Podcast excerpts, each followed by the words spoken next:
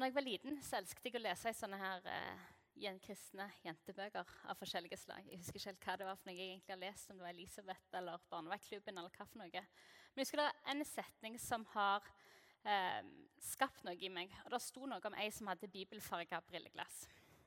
Og Det høres jo veldig cheesy ut. Bibelfarga brilleglass, hva betyr det? Når jeg tenkte på talen og tanken på å snakke om hva Guds ord er for noe, så var det den setningen som jeg tenkte på. At eh, vi som kristne er kalt av bibelfag bibelfarga brilleglass. Så det er liksom headingen for det vi skal snakke, og jeg skal snakke om i dag, og dere skal høre på. det det, yes! jeg vant.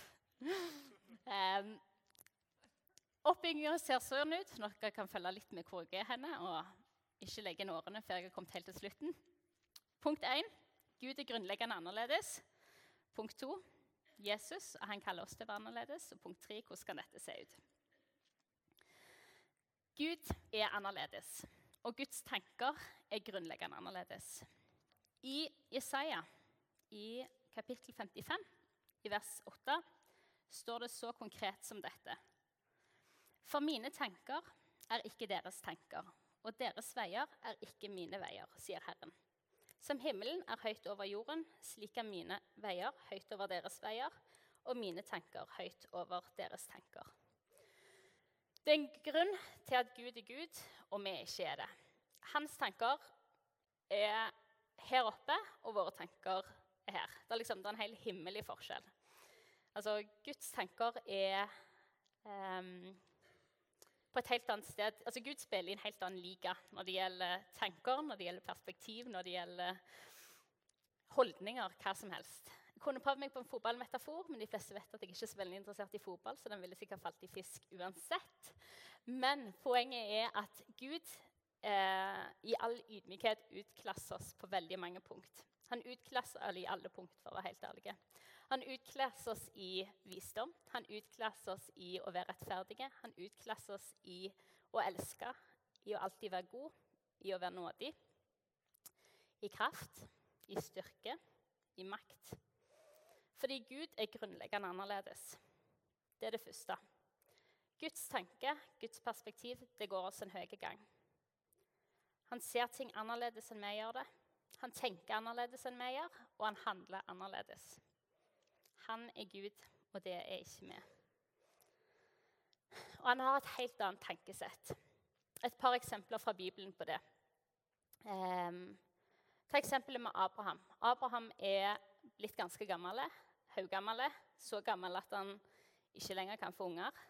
Han har ei kone som også er haugammel, som ikke lenger kan gjøre det som damer skal for at de skal kunne få unger.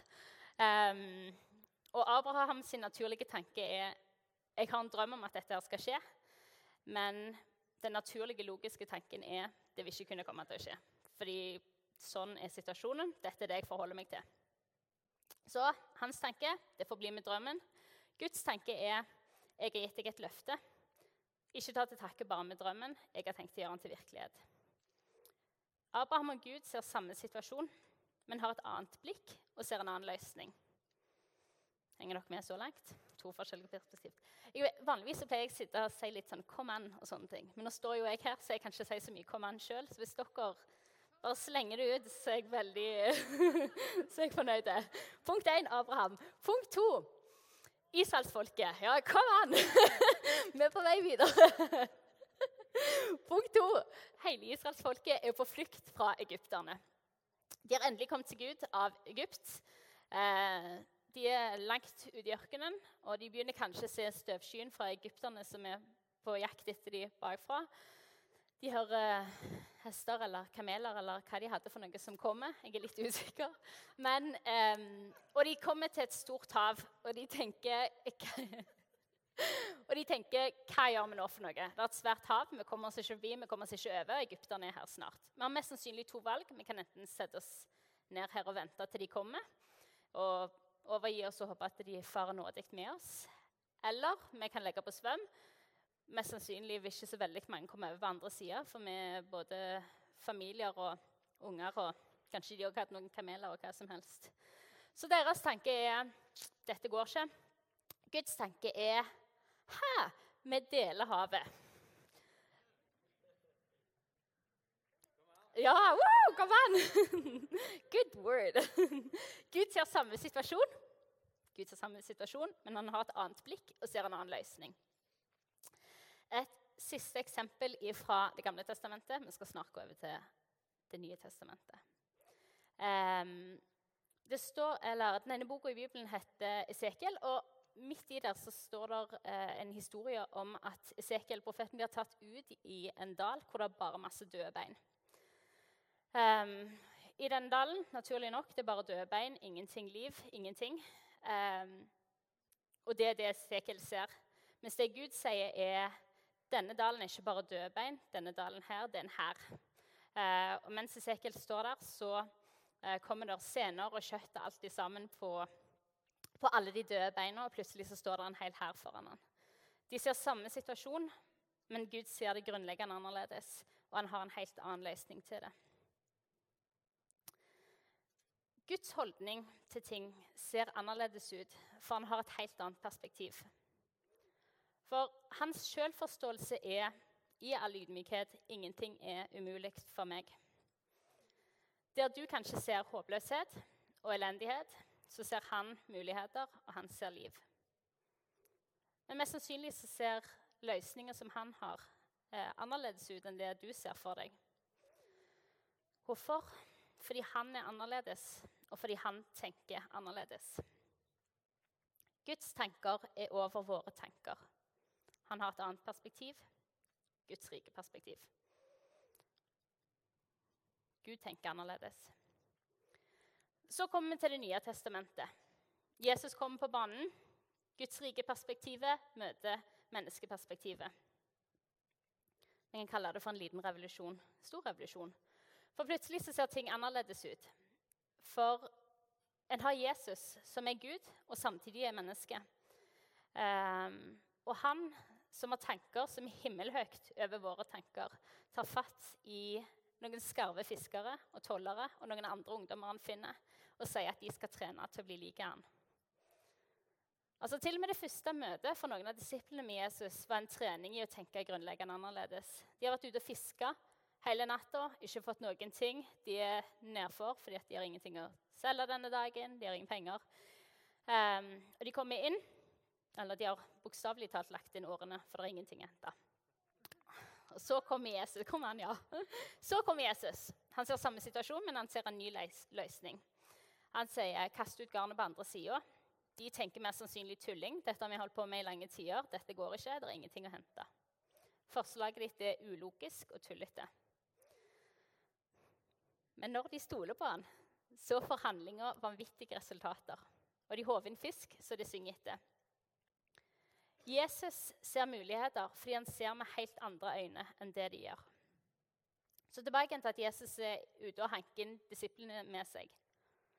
Mest sannsynlig visste ikke disse ungdommene hva de sa ja til når Jesus inviterte, han, eh, inviterte de til å være med.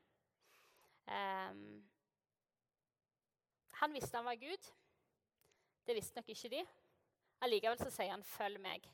Indirekte 'ler av meg', 'bli som meg'. Allerede i denne enkle handlingen så er det to veldig spesielle ting som skjer. Disipler, dere kan få bli kjent med Gud. Eh, og disipler, dere skal lære å bli like meg.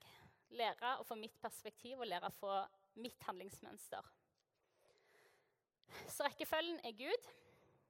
Han er over oss, han er en helt annen liga. Han gjør sitt, vi gjør vårt. Det er på en måte ikke noe connection. Så kommer Jesus, revolusjon. Han inviterer folk til én å bli kjent med seg sjøl, Jesus, og to lære å bli som Jesus. Disiplene feiler å styre, men ender opp med å forandre verden med de gode nyhetene om Jesus, han som de fikk lov til å bli kjent med. Henger dere med? Bra. Bra. Så skal vi ta en liten, viktig parentes her.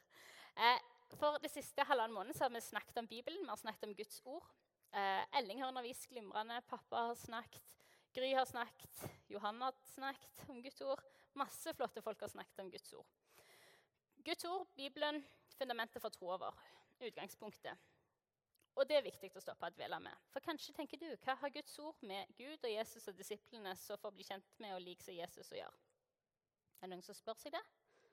Men det er et lurespørsmål, for Guds ord har jo alt med dette å gjøre. og det kommer jeg tilbake igjen til. For det som jo skjedde for disiplene, var at Jesu ord ble mer enn ord. Det ble liv for dem. Det var ikke bare ord som Jesus sa, men det var ord som de handla på. Ord som fikk konsekvenser for hvordan de oppførte seg.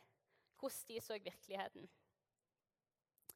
Eh, jeg vil ta utgangspunkt i et konkret eksempel fra Matteus 14, som eh, mange av dere helt sikkert har hørt før. så skal vi kikke litt på den teksten, og så skal vi se hva det har med perspektiv å gjøre. Så selv om du har hørt det mange ganger før, så vil jeg at du skal høre godt etter når jeg leser den. Da Jesus fikk høre om det, og jeg leser fra vers 13 hvis noen følger med Da Jesus fikk høre om det, dro han derfra i båt over til et øde sted for å være alene. Men folk fikk greie på det, og fra byene fulgte de etter ham til fots. Da han nå gikk i land, fikk han se en stor folkemengde. Han fikk inderlig medfølelse med dem og helbredet de syke blant dem. Men da det ble kveld, kom disiplene til ham og sa.: Stedet er øde, og det er alt blitt sent. Send folket fra deg, så de kan dra til landsbyen og kjøpe seg mat. Da sa Jesus, bare gjør det, send dem fra dere, vi går og legger oss. Nei! Det var ikke det han sa! Det var, det var en ny oversettelse. Hvis noen av dere um, ikke har hørt den historien før, så stemmer det, for den står ikke i Bibelen. Jesu respons var ikke 'vi sender alle disse her ifra oss'. Jesus sier jo ikke det. Jesus, Jesus sier 'de trenger ikke gå herfra, dere skal gi dem mat'. Men vi har bare fem brød og to fisker her, sier de. Da sa han, 'Bring det hit til meg.' Så ba han folket sette seg ned i gresset, og han tok de fem brødene og de to fiskene, løftet blikket mot himmelen og ba takkebønnen. Deretter brøt han brødene og ga dem til disiplene, og disiplene delte ut til folket. Og alle spiste og ble mette. Etterpå samlet de opp stykkene som var til overs, tolv kurver fulle. De som hadde spist, var omkring 5000 menn, utenom kvinner og barn. Vi er midt i læringsprosessen til disiplene. De har vært ganske lenge med Jesus, eh, men de har fortsatt ganske langt igjen før eh, påsketida kommer. Eh, men vi får et vanvittig konkret eksempel på hvordan Jesus tenker annerledes, men vil at disiplene også skal få fatt i hvordan dette skal se ut. Eh, hvordan de skal lære av det. De har vært rundt Jesus i lange tider. De har sett han drive ut onde ånder, de har sett han helbrede blinde og stumme. De har sett han har rent spedalske og vekt opp døde. Jeg antar at spenningskurven har vært ganske høy, og at læringskurven har vært enda høyere.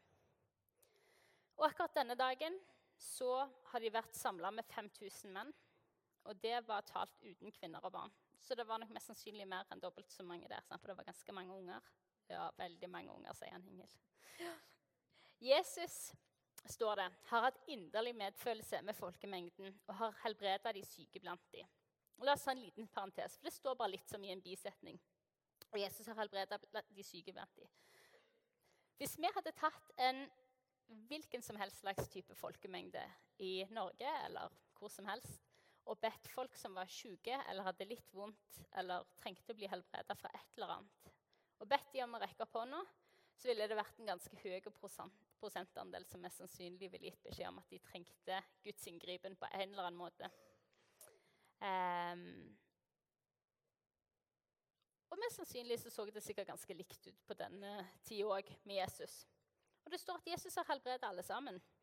Han har ikke bare helbredet de som eh, spurte nok eller satt lenge nok på fanget hans, eller noen ting. Han har, han har helbredet alle.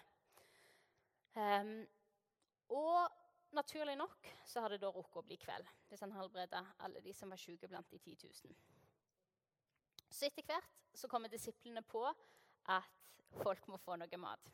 De har vært her hele kvelden og hørt på Jesus, eh, og folk må få mat. Og Legg merke til her at dette er en vanvittig god tanke. Hvis det hadde vært noen HMS-ansvarlige der, så hadde de vært glad for innspillet. Folk har ikke fått spist, og vi må finne på noe. Deres gode refleksjon er vi må gå i butikken, for det er der vi kjøper mat. Regnestykket er problem pluss logisk løsning er handlingsplan. Men når denne handlingsplanen møter Jesus, så får han et ganske heftig møte. så naturlig det er, for våre tanker de er her, og Guds tanker de er her. Og våre tanker som er her, de er logiske og naturlige, mens Guds tanker som er her, de er logiske og overnaturlige. Fikk dere? Skal jeg si det en gang til? Logiske og naturlige, logiske og overnaturlige. For Jesus ser problemet. Han er helt enig med dem at dette er et godt poeng. Um, og han ser en logisk løsning. Men den ser ganske annerledes ut fordi han har et helt annet perspektiv. Godt poeng, sier han. Mat må de ha. Men det er klart dere trenger ikke gå noe sted for at dette skal skje. Vi kan gi dem mat her. Gi dem mat, dere. Disiplene tenker naturlig nok vi har bare to fisker og fem brød. Det er ikke nok. Send de til butikken. Men Jesus holder fast på sin plan. Han tar imot det de har. Han vender blikket mot himmelen. Han takker for det han har blitt gitt. Og så deler han denne lille matpakken som han har fått, og ber disiplene dele den videre. Jeg kan se for meg at Disiplene på dette tidspunktet angrer litt på at de delte handlingsplanen sin med Jesus. Um, du tror det, du òg? ja. For uh, de tenker liksom at konge er Jesus, og konge at det er vi som skal gjøre det. Fordi at du uh, gir jo oss all maten. Det er jo vi som må halvpinlig gå rundt forbi og dele ut dette her. Du, du tar jo ikke del i det. Um, Sant? Jeg bare ser for deg liksom på sånn en smule til deg og en smule til deg, og dere to kan dele denne smulen. Men de opplever jo at det er jo helt annerledes det ser ut. Sannheten er jo at den matpakken den holdt. Og den metta 10 000, helt sikkert, og flere enn det. Og det ble masse mat til overs. Um, og jeg elsker den biten i fortellingen at Jesus lar disiplene gjøre det. At Jesus sier, altså, Det er ikke Jesus som tar matpakken og Jesus som deler det ut, men han ber, han velsigner det, og så får han disiplene til å gjøre det. Og så må disiplene våge å gå i det og våge å tro det, og, og, se på en måte at Guds løfter og Guds ord holder når de våger å stå i det. Um, de fikk erfare at ordet hans holdt, og de lærte sakte, men sikkert gjennom hele læringstida si med Jesus at Guds respons og Guds tanker på våre omstendigheter og deres omstendigheter ser annerledes ut eh, enn våre egne. Og Mer og mer så ble for disiplene Guds perspektiv en naturlig respons for måten som de levde livet sitt på. Det hele apostlenes gjerninger er et veldig godt vitnesbyrd på. Um, og Jeg elsker bare hele konseptet at Mest sannsynlig så var det ikke disiplene sin naturlige løsning på at Jesus reiste til himmelen og frelsa hele verden. Mest sannsynlig var det Jesus sin plan. Det var jo han som ga den til dem i utgangspunktet. Men dette som de tok så alvorlig, og som faktisk har fått lov til å forandre alt Tilbake til brødunderet. De gode intensjonene til disiplene, refleksjonene fra omstendighetene til disiplene møtte Jesus, som tok de til et helt annet nivå. Han tok de til sitt nivå. Um, og resultatet ble et mirakel som er helt utrolig. En gang til med andre ord. Vi leter etter logiske og naturlige løsninger på alle problemer og situasjoner i livet. Og det er vel og bra, for vi tar ansvar for livet vårt.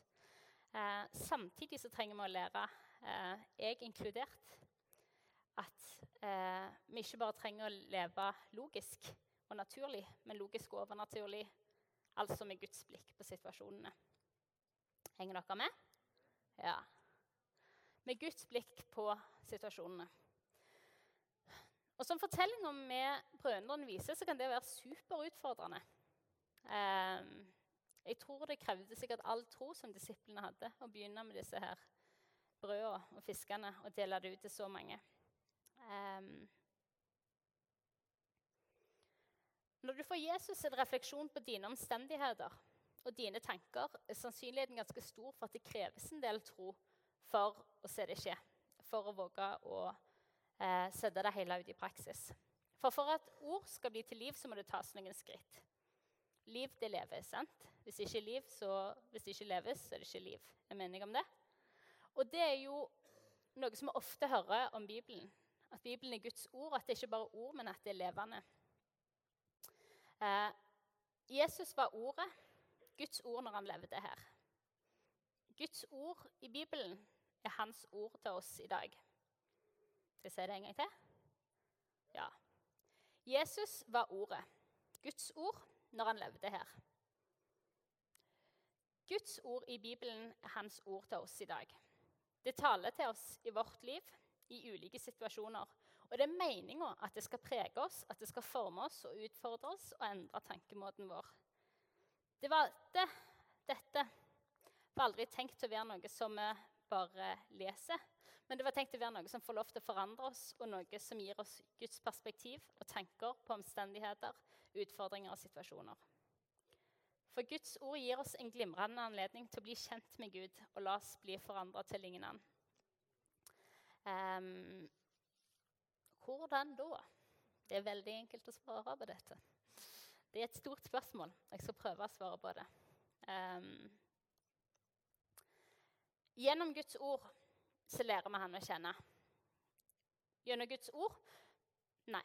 Parentes. Vi kan lære Gud å kjenne på veldig mange forskjellige måter. Vi kan lære Gud å kjenne i stillheten, i lovsangen, i naturen, i kunst, på veldig mange måter. Um, samtidig så er dette det mest konkrete uh, middelet vi har til å bli kjent med Gud. For dette er hans ord til oss. Eh, dette er hans tanker, dette er hans handlingsmønster beskrevet veldig konkret. Og dette kan få lov til å prege oss.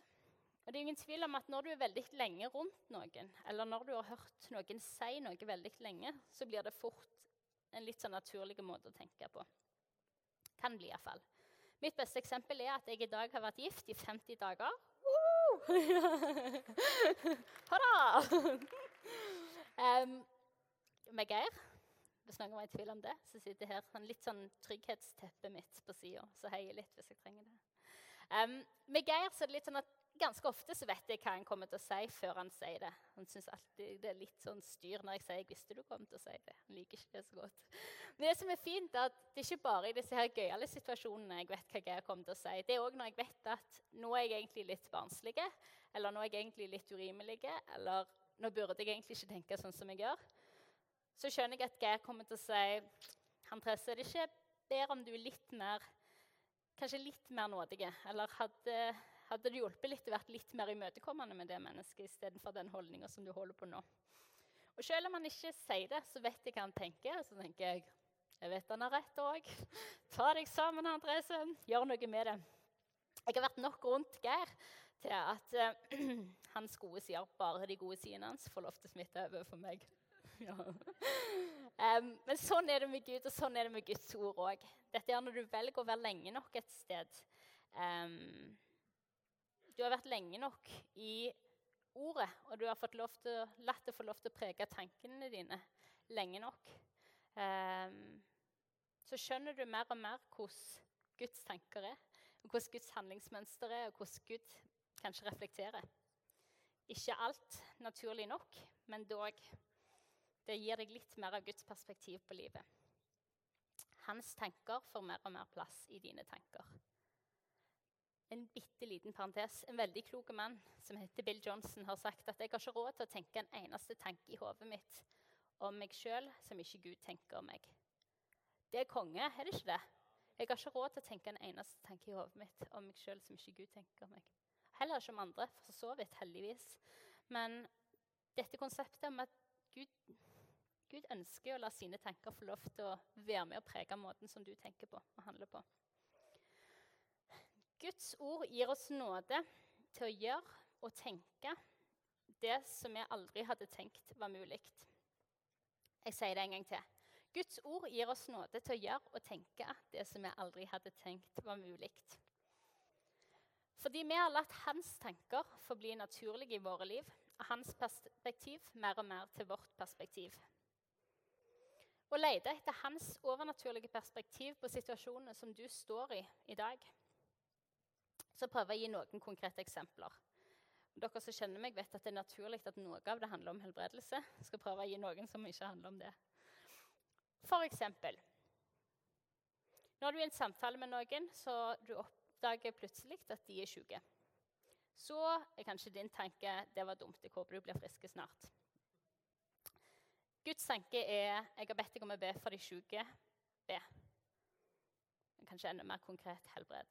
Litt usikker tenke på det.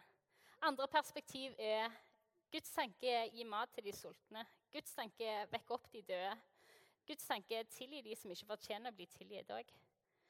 Altså, Guds tanke er se andre på min måte. Altså Ikke bare tenke om deg sjøl, sånn som jeg tenker om deg. Men Elling hadde et glimrende poeng tidligere i dag på elvegudstjenesten om altså, Det står så godt beskrevet i Sefania 3,17 om at Gud bare fryder seg og gleder seg over deg. Eh, og ikke bare deg, men alle de som er rundt deg òg. Altså, Gud fryder seg over oss. Um, og vårt blikk på andre fortjener at det tilsvarer samme perspektiv som Gud har. At det ikke jeg ser på Johannes og tenker Johannes er bare en normal en. Men at jeg ser Johannes og tenker wow, Johannes er en spesiell en. For se hvordan Jesus fryder seg over hvem han er. Skjønner du? Og Ikke bare Johannes, men alle dere. At uh, meg òg. At perspektivet er Gud, du ser ting grunnleggende annerledes, og du heier vanvittig på oss. Så sier du kanskje at noe av dette føles litt unaturlig ut for meg. Og det gjør det mest sannsynlig. Føles kanskje litt unaturlig ut for meg òg. Og det er helt OK. For det er i utgangspunktet Guds natur vi snakker om. Men han inviterer deg til å være en del av nettopp det. Så ikke la på en måte dette her at uh, dette kjennes ikke så naturlig ut for meg, for stoppe deg i å faktisk trene mer inn i det. For det betyr på en måte at du er litt bare i denne her brytningsfasen. Du er på vei inn i hva han egentlig har kalt deg til for noe. Um, hvor var jeg henne? Å leve med hans overnaturlighet for øyet. Det høres veldig stort ut, gjør det ikke det? Leve på en sånn måte at Gud er det eneste logiske svaret. Bare la Hans ord, alt hvem han er, få lov til å prege oss i så stor grad um, at Gud er synlig. Synlig. Måten vi lever på, gjør at han er synlig. At han er det eneste logiske svaret. Hvor er de situasjonene som du trenger Guds perspektiv i? Mest sannsynlig alle situasjoner. Det vil jeg sagt. Mest sannsynlig alle situasjoner trenger Guds perspektiv. Men kanskje det er noen hvor du ser at du trenger det mer, eller noen hvor du ser at du trenger konkret et nytt perspektiv. Kanskje er det inn i en konkret relasjon, noen, en relasjon som har kjørt seg fast. Noe som er vanskelig til å tilgi. Noen som har behandla deg urettferdig. Du er såra. Hva er Guds ord, hva er Guds perspektiv inn i den situasjonen? Kanskje du er i en jobbsituasjon. Kanskje miljøet er dårlig. Du syns samtaleemner og holdninger er problematiske. Hva tror du Jesus ville sagt og gjort i forhold til det? Kanskje utfordres du av prikk, prikk, prikk, prikk. Og så kan du fylle inn det som kanskje falles naturlig for deg. Um, men Gud har et naturlig svar, og Gud har et overnaturlig perspektiv på alle de situasjonene som du står i. Guds standard tar oss fra vår standard til hans standard. Fra det som vi tenker er mulig, til det som han tenker er mulig. Og Det er en ganske stor forskjell på hva det er for noe. Fra vårt perspektiv til hans perspektiv. Og derifra så ser ting ganske annerledes ut. Guds ord får oss til å tenke på en helt annen måte og gir oss nåde til å gå i det. Amen. Ja, kom an! Guds ord får oss til å tenke på en helt annen måte og gir oss nåde til å gå i det. Vi reiser oss bitte litt. Kanskje det blir for lenge. Det vet jeg ikke.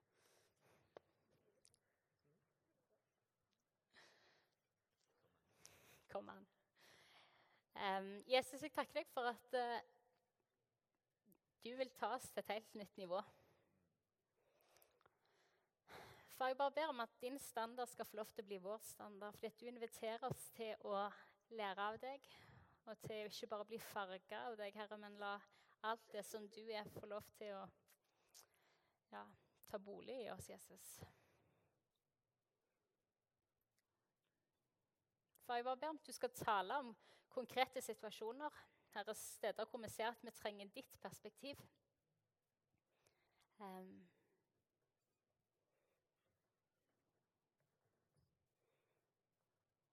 Herre, og ta ditt ord inn i det. Far, takk for at ditt ord, Bibelen, er full av både løfter og sannheter om hvem du er, og hvordan du tenker om alle ting. Fyll oss, Jesus. Fyll oss med din ånd.